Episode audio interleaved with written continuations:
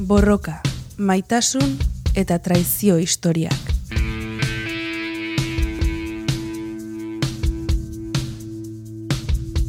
Beatriz Rubioren azalpenak estitxu eizagirreren konpainian.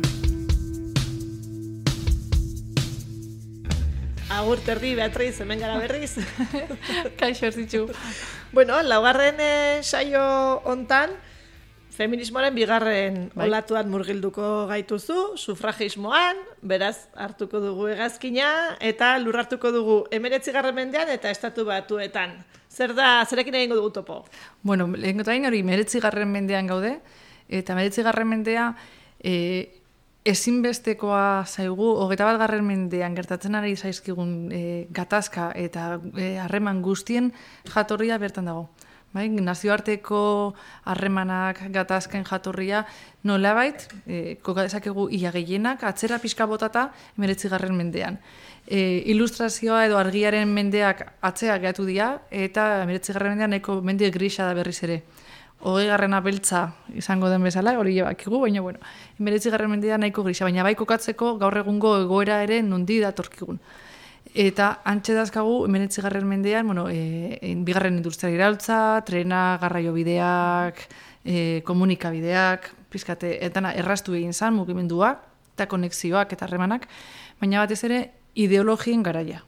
Bai, hor daukago alde batetik e, industria ondorioz proletariadoaren sorkuntza, proletariadorekin batera marxismoa, sozialismoa, hoiek hasiko dira ja e, lehenengo pausuak ematen, era berean iraultza burgesak, ez iraultza burgesakin liberalismoa, eta gori dagokiguna emakumen egoerarekin lotuta, sufragismoa.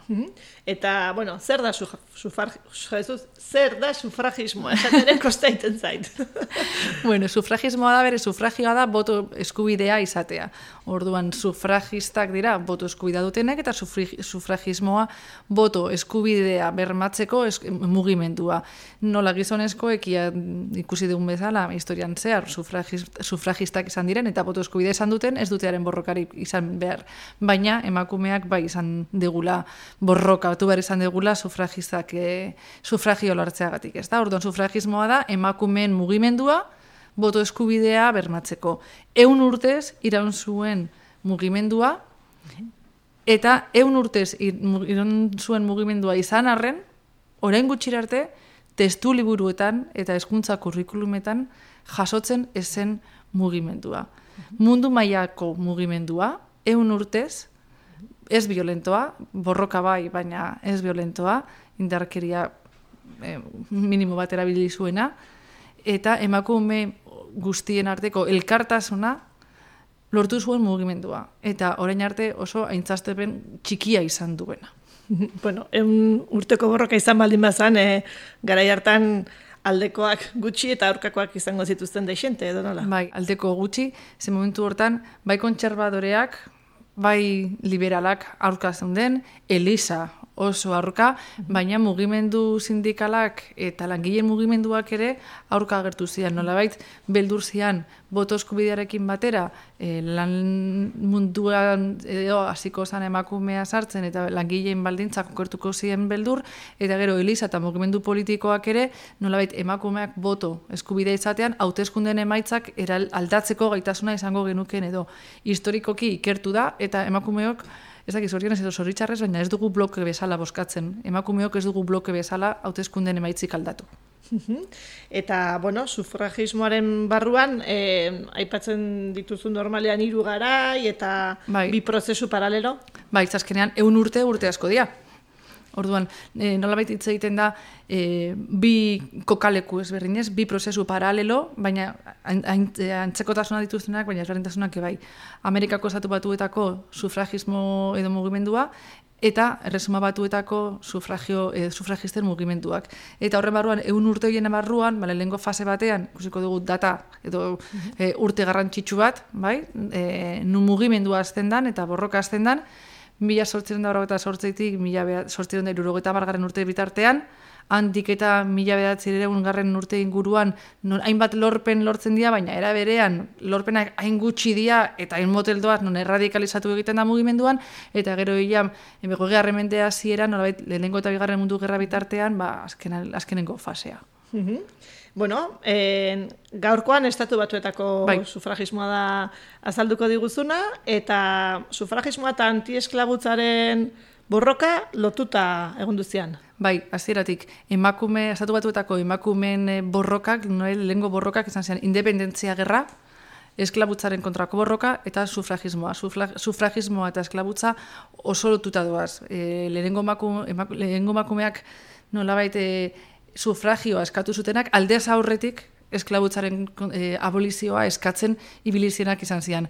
Eta berriz ere nolabaiteko traizio baten ondorioz bihurtu zian sufragistak. Ara. Bueno, hori aurrera isago kontatuko diguzu, e, nolakoak zian sufragista hoiek jatorriz? Maila ekonomiko aldetik, Bai. nolakoak zian?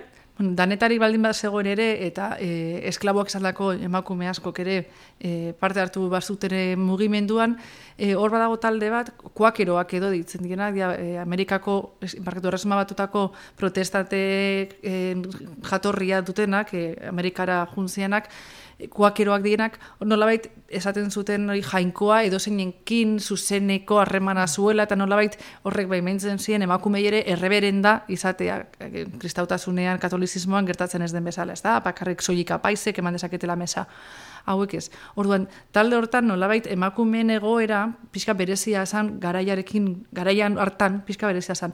Orduan, haiek hasi zit- haiek hasi zuten nolabaiteko antiesklabutza mugimendua. Eta hor, e, badaude, e, aintzindariak edo grinke, aizpak, baina badaude hiru emakume e, nolabait protagonistagoak edo ezagunagoak izan zienak. Batetik Lucrezia Mott, eta gero haren ikasletzat edo disipulatzat jotzen dana, Elizabeth Cody Staton, eta gero beste ba moderatuagoa, ja, bukaerarago, mendearen bukaerara, Lucy Stone.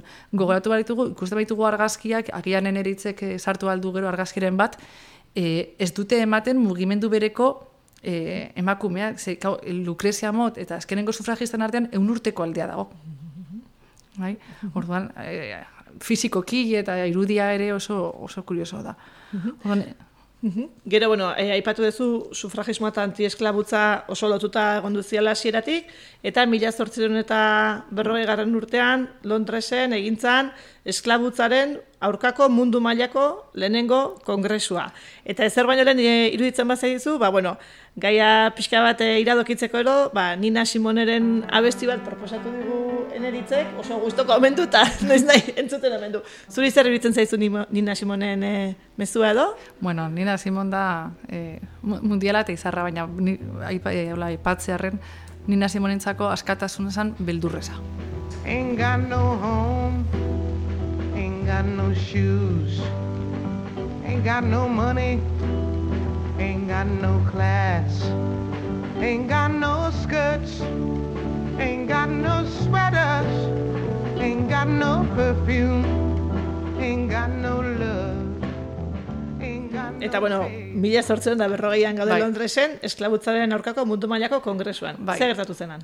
Bueno, bat dauzkagu hori Ozeano Atlantikoa erdian, e, antiesklabutzaren e, talde emakumen talde hau, ez da? E, Lucy, e, Lucy Stone, Elizabeth Cody Station, Lucrecia Mott, eta juten dienak Ozeano Atlantikoa zeharkatzen dute itxasontziz bi hilabetez iristen dia Londresera eta juten dia kongresura eta sartu nahi dutenean, ba, ez dite usten Zergatik?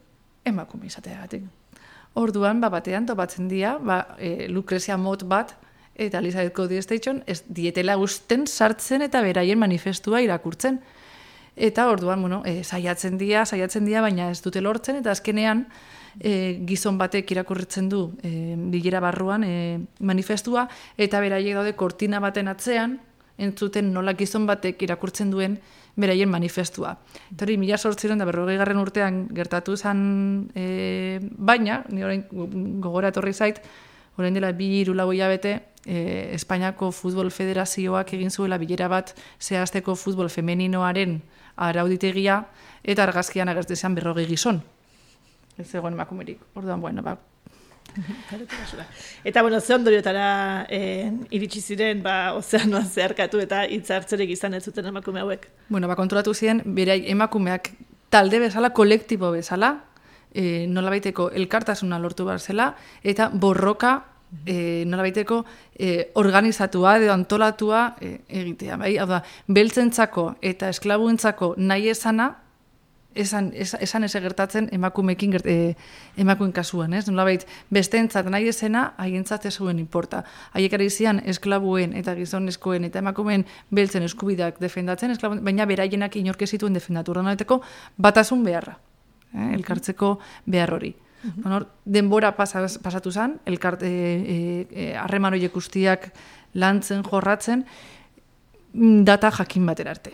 Mila sortzireun da berrogeita sortzi. Mila sortzireun da berrogeita sortzi, ezaguna e, Marx eta Engelsek manifestu komunista idatzi zutelako. Bai, berriz ere goaz berdinara ez, e, androcentrismo horren baitan, e, zer da ezaguna historian eta zer ez dan ezaguna historian, ez da, Olimp de Gugez, Wollstonecraft, hoi danak ez dira ezagunak izan, mugimendu sufragista, ez dago testu liburu, ez da testu liburutan jaso izan, eta mila sortzireun da berrogeita sortzian, Marx eta Engelsen manifestu komunista hogeta horri zenolako garrantzia izan zuen, eta denok zagutzen dugu, mila sortzen da berroketa sortzeko iraultza burgezen ondorio liberalismoa ideologi bezala jas, hartu zuen indarra ere ezaguna da, mila sortzen da sortzeko eh, iraultza burgesak, baina jende guzo gutxik daki mila sortzen da berroketa sortzian, parrokiatxo batean, zeneka folzen, elkartu zirela Lucrezia Mot eta Elizabeth Cody Station deituak, e, irureon pertsona inguru, emakumen eskubiden e, aldeko manifestu bat, idazteko e, asmoz, ezta? Eta bertan nolabait jaso zen lehenengo deskribapen bat, denen artean zein zan emakumen egoera, nolako zapalkuntza ekonomikoa zuten alde batetik, ezin zuten lanik egin, ezin zuten jabetzik izan, ezin zan merkatariak izan, ezin zuten kontu korronterik zabaldu, eta bestera zapalkuntza politikoa. Ezin zuten botoa eman, ezin zuten bereien burua autagaitzat aurkeztu, ezin zuten kargu publikorik izan, orduan, oi guztia zer egin. Hau da, deskribatu zuten egoera, baina orduan hildizan nolaitako bindikazio momentua. Mary Wollstonecraftek zabaldu zuen bidea, ez? Bindikazioa. Zer nahi dugu? Ola zen dugu biziku nahi dugu emakume gisa edo zein hiritarrak dituen eskubide berberak izatea. Eta hortarako e, aldaketa egin zaizkio konstituzioari eta aldaketa bitako bat izan behar du emakume gisa, emakumeak boto eskubidea izatea. Berez, eskatu zuten konstituzioari, Amerikako estatuatotako konstituzioari zuzenketa. Hori izan zen beraien aldarrikapena. E, ze gertatu zen? Ba, aurreko ataletan gertatu zen berdina. Ba, mila sortzireon da irurogeta zeigarren urtean, e, amairugarren eta malaugarren zuzenketa egin zitzaiola konstituzioari, eta horrek ilotzen dugu... Mila sortzen da irurogeta zeian hasi ziran, ez da? Lorpenak iristen, en, aipatu dian, programantan aipatu diren borroken lorpenak, eta aurreko saioan zuk e, galdera plantatu zenien, ea ba, nork lortu zituen bere eskubideak bermatzea lehenago, ez da? Beltzek edo emakumek. Eta Beatriz, zein da erantzuna galdera horrena? Ba, amairu, eh, konstituzioari egin zitzaion, amairu garren zuzenketan esklabutza dedikatu inzan, eta amalogarren zuzenketan nolabait esklabuen ondorengoak eta esklabu libreak amerikartasun, iritartasuna lortzen zuten, baina ezan onartu e, emakumeen boto eskubidea.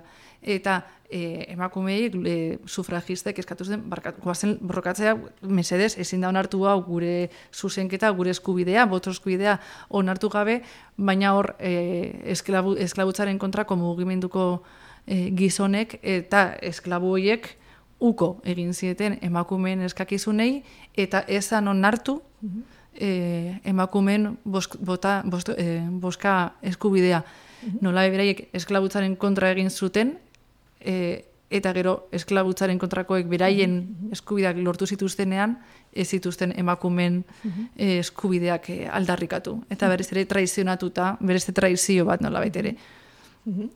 Eta, bueno, emakumen boto eskubidea noiz iritsi zen, edo noiz iritsi zen garaipena bai. eun urte sufragistek bai. Ba, traizioa eta gero hor mugimendua erradikalizatu, bueno, bitan banatu zen, pixkate Lucy Eston geratu zen, pixkat moderatuagoa, baina e, Elizabeth Cody Station, berak e, erradikalizatu zuen mugimendua, berak oso minduta sentitu zen e, amalaugarren e, zuzenketa horrekin, eseskoa eman zinez eta antisklabutza e, prozesuan e, lan handia egin, e, ez zuen onartu amalaguarren zuzenketa, e, e, iruditzen zitzaiolako esala bidezko emakumentzako. Zainera, Luzi lu, e, estentorek eskatzen zuen zuzenketa hori, eta bostu eskubidea, baina baita ere, emakumen dibortzioa eskatzeko eskubidea, zeme alaben kustodiak e, izatea, ez, ez bakarrik botu eskubidea. Orduan, e, e, borroka hori erradikalizatu egin zan pizkat Lucy es, es, Elizabeth Cody Stationekin, eta azkenan mila sortziron, da irurogeta bederatzi garren e, urtean, Wyomingen, Wyomingo estatuan, lehen aldiz, onartu zan estatu hartan, e, boto eskubidea. Baina benetan, noiz lortu zan e, bota eskubidea, e, mila bederatzen da mazazpian, e, mila bederatzen da hogeian barkatu, lehenengo mundu gerra amaituta gero. Bale, hor, Wilson presidenteak onartu zuen azkenengo zuzenketa, zu, e, konstituzioari, emeretzi garren zuzenketa, eta haren bidez, e, emakume estatu batu lortu zuten boskatzeko eskubidea. Mhm. Baina, zeneka fols e, bilera hartatik irurogeta. urtera. Hori da, irurogeta amabi urtetara. Mhm. Eta e, e, lehenengo kongresutik ia eun urtetara, ez? borroka oso luzea izan zen. Eta hor, askotan terminologiare erabiltzen dugunean, eta e, nik neu baita, eh? E, pizkat, eh, kolonek Amerika deskubritu zuenean ere, esaten dugunean, eta ja belarrera geratzen zaigula pizkatola nola kolonek Amerika deskubritu, baina Amerika ez egoenan koloniritxe horretik edo. Ez? Ba, pizkator ere, eh, esaten dugunean emakumei boto eskuida eman zitzaion. Ematen du nolabait e, gizonezkoek eman zigutela boskatzeko eskubide batez, hola, opari bezala. Eta egia da hor, bai historikoki, lehenengo mundu gerran emakumeek egindako lana eskertu e, nahi ez edo eskertzeko asmoz edo e, klaudikatu egin zutela e, estatu batuetako presidenteek eta gero erresuma batukoak. Bai dagoela lotuta, emakume bapera lehengo gerra mundialan bai, lotura badago. Baina kontu zibil bargara, hori eman horrekin, ez? ematen du oparitu digutela zerbait eta opari hori, kako txartean hemen ez dira ikusten, opari hori da eun urteko borrokaren ondorioa. Ez, mm ez oparia, lorpena izan da. Bueno, primeran, onain iritsi da gaurko saioa, eta urrengo saioan jarraituko dugu sufragismoarekin, baina erresuma batuan garatu zenarekin. Eta, bai. bueno, gure irakurlei ze, ze asmakizun edo ze amu botako diezu, ba, urrengo saioaren aurrekari moduan. Bueno, ba, beste heroinaren artean, e, Chris, e, Polin de la Barra ipatu genuen bezala, horien beste gizon heroi batekin egingo dugu topo, e, John Stuart Millsekin, eta, bueno, jakin nahiko genuke, ea John Stuart Millsek zer egin zuen berezkontza gunean.